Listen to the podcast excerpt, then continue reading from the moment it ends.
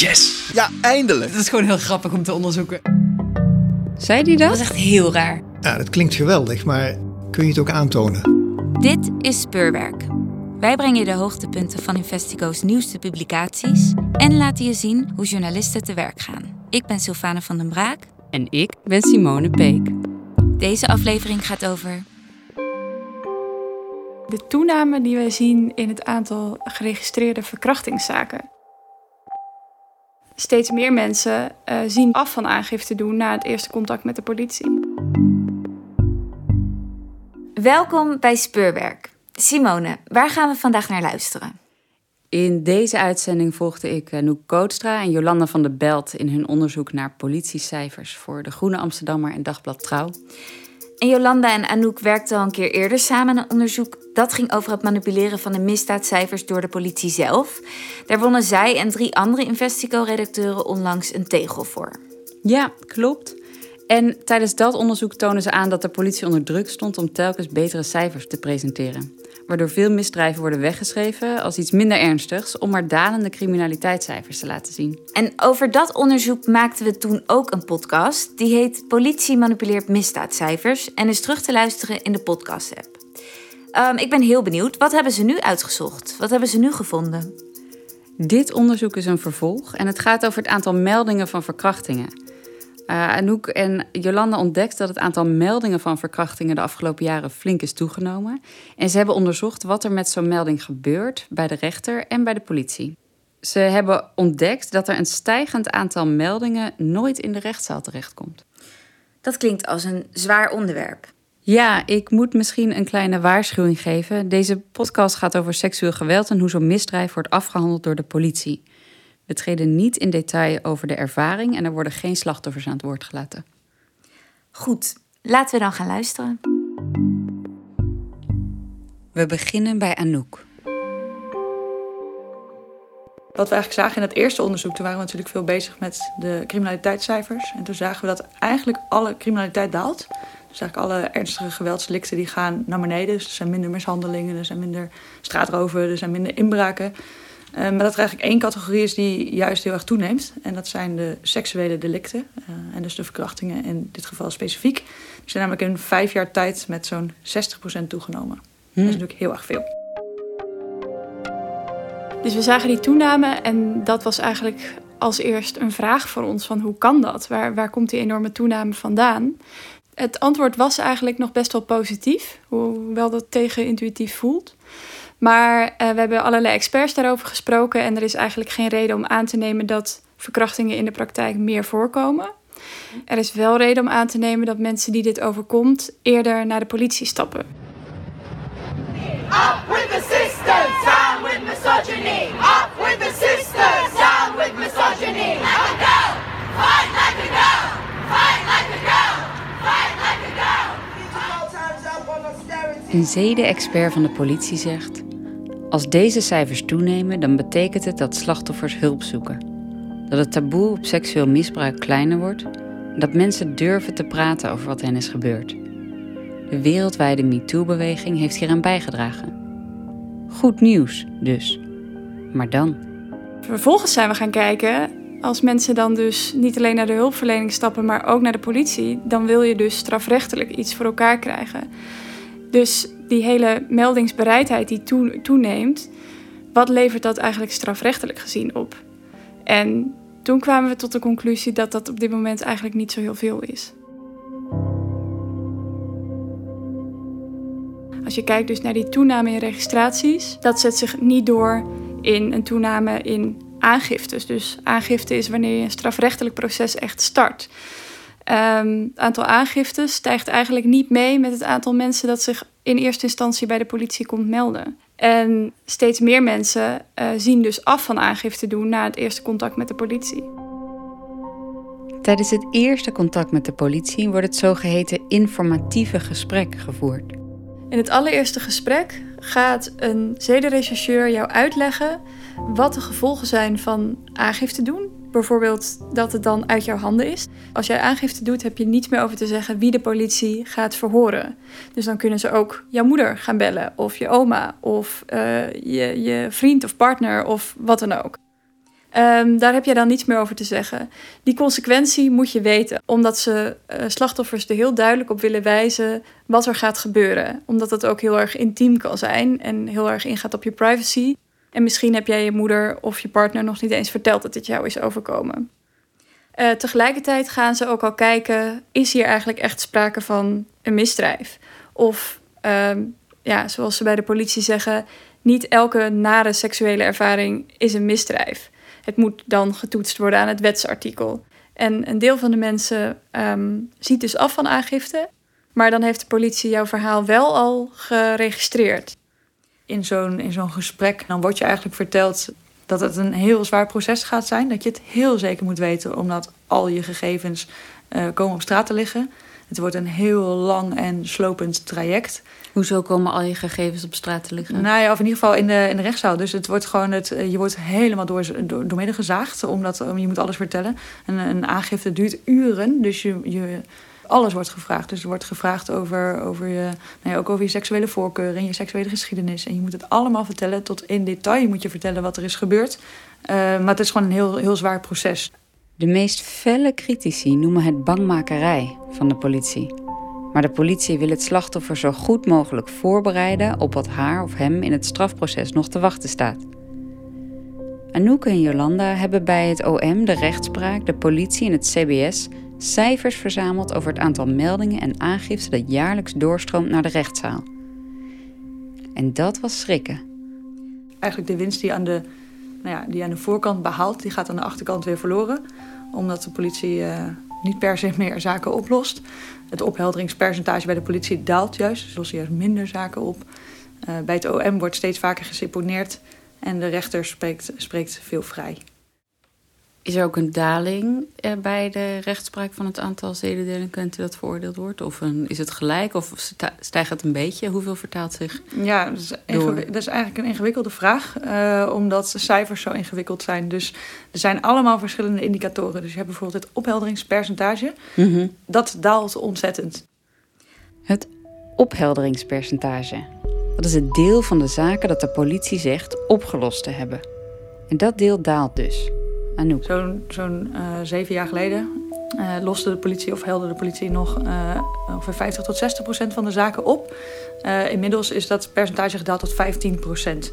Dus je ziet daar, dat is misschien wat technisch, maar je ziet daar dat ook in absolute termen, dus het aantal verdachten dat de politie vindt eigenlijk afneemt. Hm. Dus nou ja, in 2013, 2014, bij de oprichting van de nationale politie, vond de politie zo'n 600 verdachten op 1200 verkrachtingen. Nu is het nog maar 300 verdachten op 2000 verkrachtingen. Dus daar zie je dat het echt alleen maar slechter gaat. Dat is wel heel opvallend. Ja, en zonde vooral. Want nou ja, op het moment dat je. Dat is natuurlijk volgens mij waar het om gaat. Dus je, je meldt om je recht te halen. Je meldt omdat je wil dat er iets gebeurt. Je meldt omdat je wil dat een dader dat niet nog een keer bij iemand anders doet. En als het vervolgens niks oplevert, dan, nou ja, dan gaat het eigenlijk weer verloren. Nee, dat klopt niet, zegt de politie, want het ophelderingspercentage is iets dat agenten zelf invullen aan het eind van een zaak. Daarom zijn die cijfers onbetrouwbaar, zegt de politie zelf.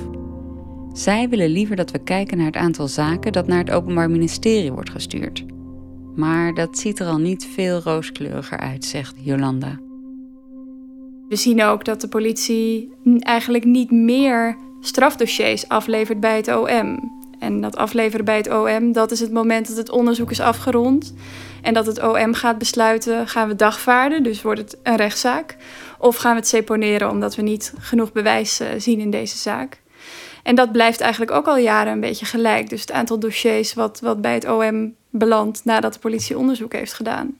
Als je dan nog helemaal verder kijkt in de strafrechtketen, zoals dat dan heet, dan zie je dat nou ja, daar ook geen, niet meer veroordelingen zijn. Dus helemaal aan het eind van de rit, na de rechtszaak, um, worden er niet meer mensen voor verkrachting veroordeeld dan zeven jaar geleden. Hoe kan dat? vroegen Anouk en Jolanda zich af. Er spelen een hoop factoren mee, concludeerden ze. Een belangrijke is tijd.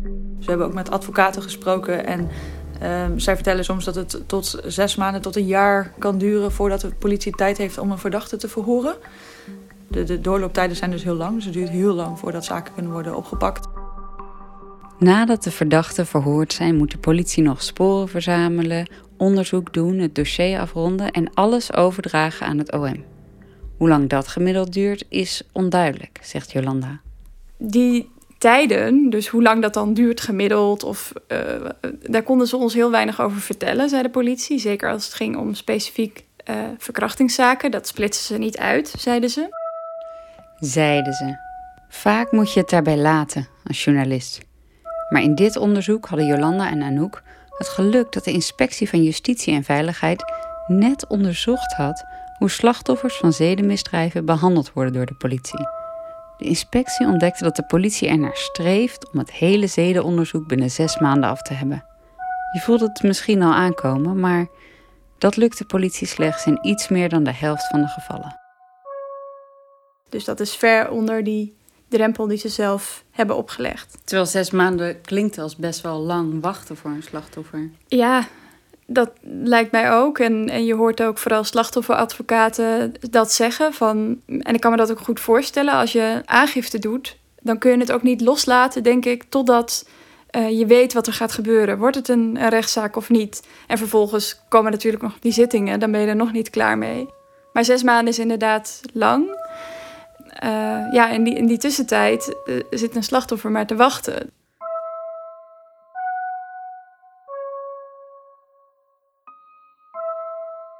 Een ander aspect daarvan is natuurlijk uh, hoe langer een onderzoek duurt. Dat kan ook van invloed zijn op de kwaliteit van het strafdossier uiteindelijk. Want als je aangifte ergens van doet, um, dan heb je misschien aan mensen verteld dat dat is gebeurd. Dat zijn allemaal getuigen in jouw zaak. Hoe langer het duurt totdat de politie tijd heeft om die getuigen te horen, hoe minder goed die verklaringen worden. Want mensen zijn dingen vergeten. Dus hoe langer daartussen zit, hoe slechter die getuigenverklaringen kunnen zijn.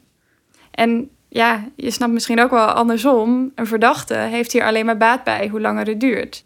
Want die kan inderdaad ervan op aan dat getuigenverklaringen misschien van mindere kwaliteit zijn. Maar hij heeft, of zij heeft ook de kans om bewijs te wissen, telefoons leeg te maken of een advocaat in de arm te nemen en het hele verhaal helemaal te kneden. Dus heel goed voorbereid te zijn uh, op dat moment dat je wordt uh, gevraagd voor verhoor bij de politie. En waarom duurt het zo lang? Het heeft denk ik verschillende redenen. Ten eerste is verkrachting is een heel moeilijk wetsartikel. Dat vertellen agenten ons. Dit hebben zij mij uitgelegd. Verkrachting vindt eigenlijk in de meeste gevallen plaats uh, in een één op één situatie. Dus sowieso heb je al veel moeite met het verzamelen van bewijs. Mm-hmm. Want soms is er niets anders dan het verhaal van het slachtoffer. En daartegenover heb je het verhaal van de verdachte. En uh, dat is niet genoeg om iemand te veroordelen, één verklaring. Dus ze hebben een soort van bijkomend bewijs nodig uh, bij het OM om iemand veroordeeld te krijgen. Bijkomend bewijs kan van alles zijn. Het slachtoffer heeft gelijk iemand gebeld en, en verteld wat hem of haar net is overkomen. Dat is een heel krachtig bewijs. Hoewel dat van hetzelfde slachtoffer komt, maar dat is een krachtig bewijs. Maar daarnaast moet je, om uiteindelijk veroordeeld te worden voor verkrachting, houdt het wetsartikel nu in dat er sprake moet zijn van dwang of dreiging. En hoe toon je dat aan? Dat kan natuurlijk. Som, sommige hebben mensen uh, letsel, als in je kunt zien dat ze zijn vastgehouden of ze hebben blauwe plekken of streamen of wat dan ook. Maar stel dat ik in een ruimte ben en iemand heeft de deur op slot gedaan. Dat is natuurlijk heel erg een, een bewijs van dwang. Maar hoe bewijs ik achteraf dat die deur op slot zat?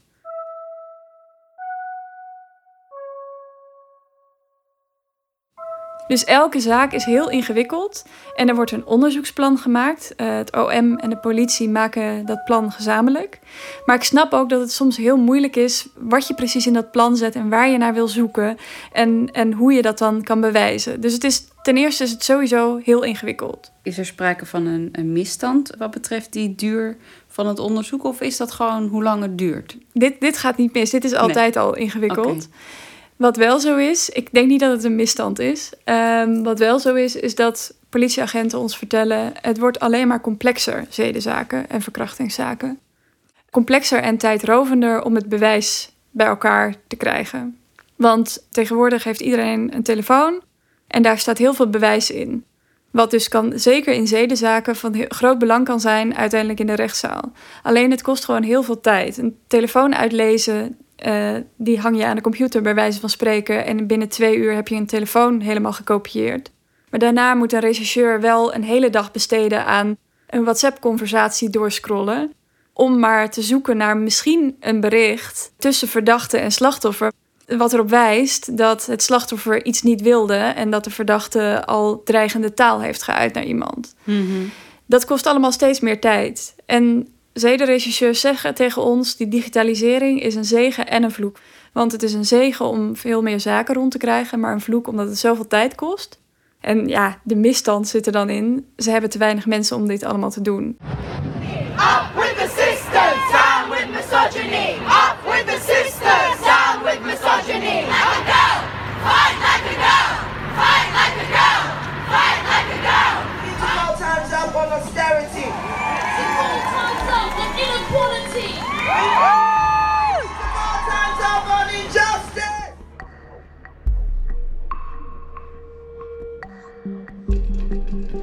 En er is net een rapport over verschenen. Staat op het punt om iets te veranderen. Nou, wat er eh, staat te veranderen is dat eh, de zedenwet wordt herzien. Eh, minister Grapperhaus van Justitie en Veiligheid heeft er als een van zijn speerpunten van gemaakt om die wetsherziening erdoor te krijgen.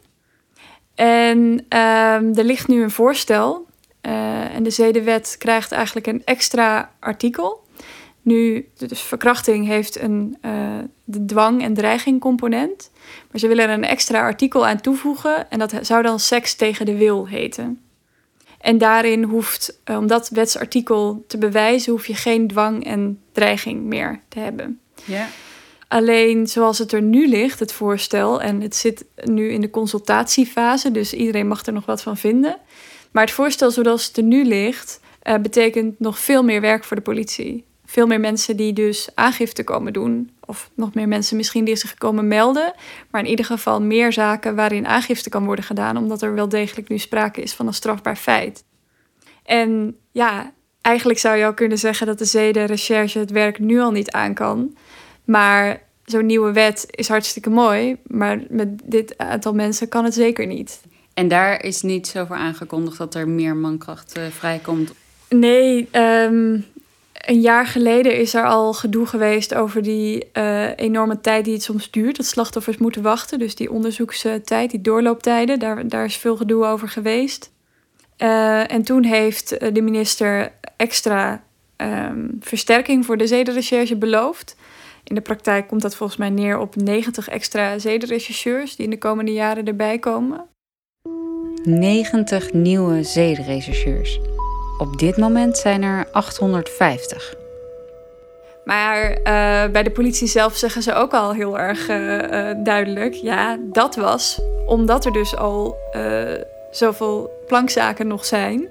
Maar dat is niet voor die extra eh, die sluizen die opengaan als eventueel deze, deze nieuwe zedenwet erdoor komt. Dus ze zeggen heel erg: ja, het is leuk dat de minister nu zegt: ja, maar er komen al extra mensen bij. Maar die hadden we al nodig. Dus dit, dit, dat, dat is niet afdoende. Ja, er wordt wel waar de minister zegt. je een zedenagent? Is Ja. dat gewoon binnen het korps? Ja, dat is dus nog een ander punt. Eh, die werving gaat intern plaatsvinden. Die gaan ze waarschijnlijk weghalen bij de gewone recherche, om het maar even zo te zeggen. Dus andere afdelingen van de recherche.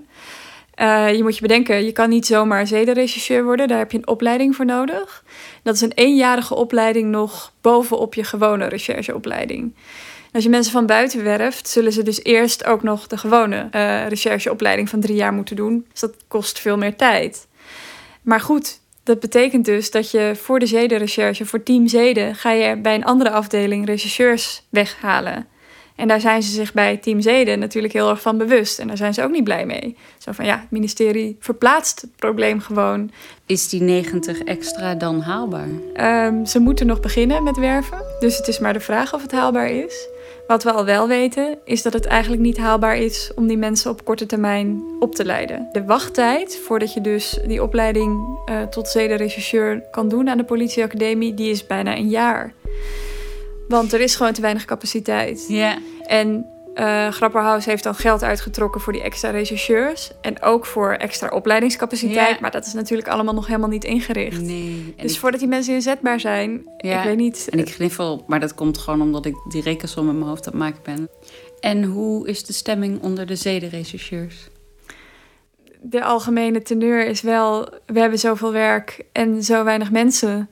En het is zo zwaar om mensen die slachtoffer zijn geworden van een vreselijk misdrijf uh, teleur moeten te stellen. Om dan te zeggen, ja, u moet maar afwachten, uh, het onderzoek loopt. Terwijl ja, voor mensen staat hun leven echt even stil. Zo'n slachtoffer wil horen, oké, we gaan er nu mee aan de slag. We gaan je verdachte of de verdachte die jij aanwijst, gaan we aanhouden. Die gaan we verhoren. Over een paar weken staat hij voor de rechter en dan gaat hij voor zoveel jaar de bak in. Ja. Maar zo gaat het niet.